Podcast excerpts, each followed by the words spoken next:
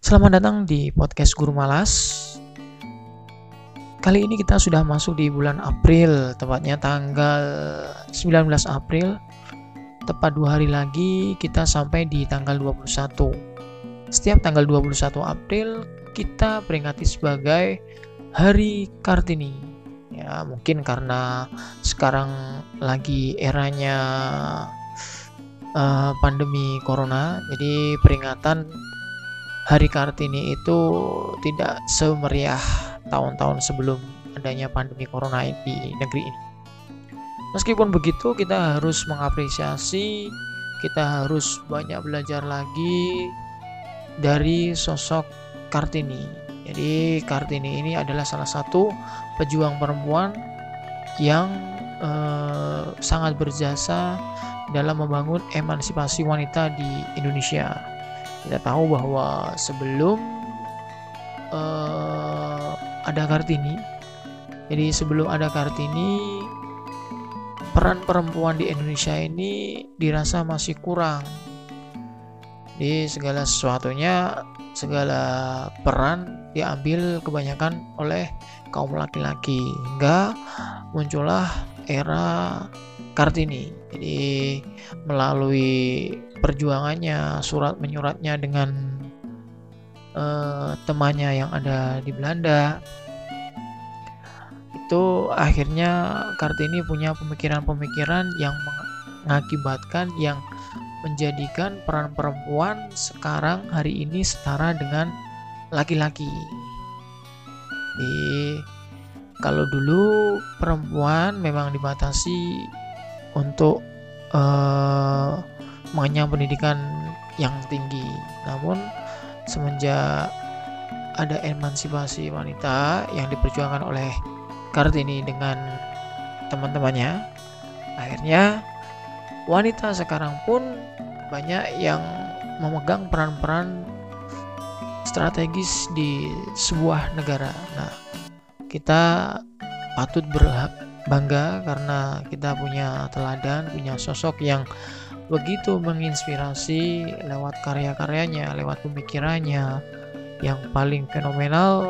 Kita tahu bahwa dia melahirkan sebuah buku yang berjudul Habis Gelap Terbitlah Terang. Jadi pada saat itu uh, masih gelap ya peran perempuan masih dirasa masih gelap, belum begitu banyak ikut andil dalam pembangunan di sebuah negara.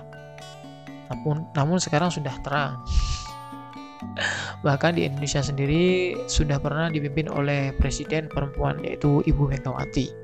Nah, eh, belajar dari Kartini ini kita harus melihat eh, segalanya dalam bingkai yang positif. Jadi eh, kalau generasi perempuan khususnya Eh, ibu-ibu uh, ini punya pendidikan yang tinggi, tidak menutup kemungkinan nantinya akan lahir anak-anak yang cerdas ya. Jadi di tangan ibu-ibu yang berpendidikan tinggi, di tangan ibu-ibu yang uh, punya ilmu pengetahuan yang mumpuni, nantinya akan lahir anak-anak yang bisa mengisi kemerdekaan dengan pembangunan yang optimal.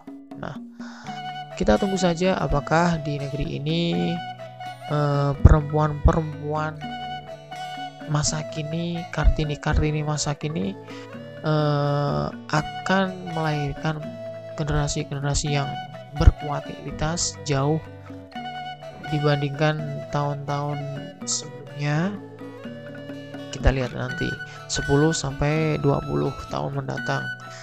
Jadi uh, sebenarnya kalau kita lihat di masyarakat, kita lihat di uh, pemerintahan sudah banyak wanita-wanita, perempuan-perempuan yang mengisi posisi strategis. Kita sebagai uh, bangsa Indonesia patut berbangga. Jadi yang namanya pendidikan itu tidak hanya otoritas bagi laki-laki saja, perempuan pun juga eh, berhak mendapatkan pendidikan yang layak dan tinggi. Bahkan tidak menutup kemungkinan bahwa eh, perempuan-perempuan yang ada di negeri ini bisa jauh melampaui eh, laki-laki karena yang saya lihat di sekolah di sekolah pun ketika saya masih sekolah entah itu SD SMP SMA dan perguruan tinggi pun rata-rata juara satunya dipegang oleh perempuan. Karena perempuan itu uh, punya keuletan punya kesabaran punya semangat yang tinggi untuk belajar. Meskipun juga laki-laki ada beberapa yang memang nggak mau kalah ya.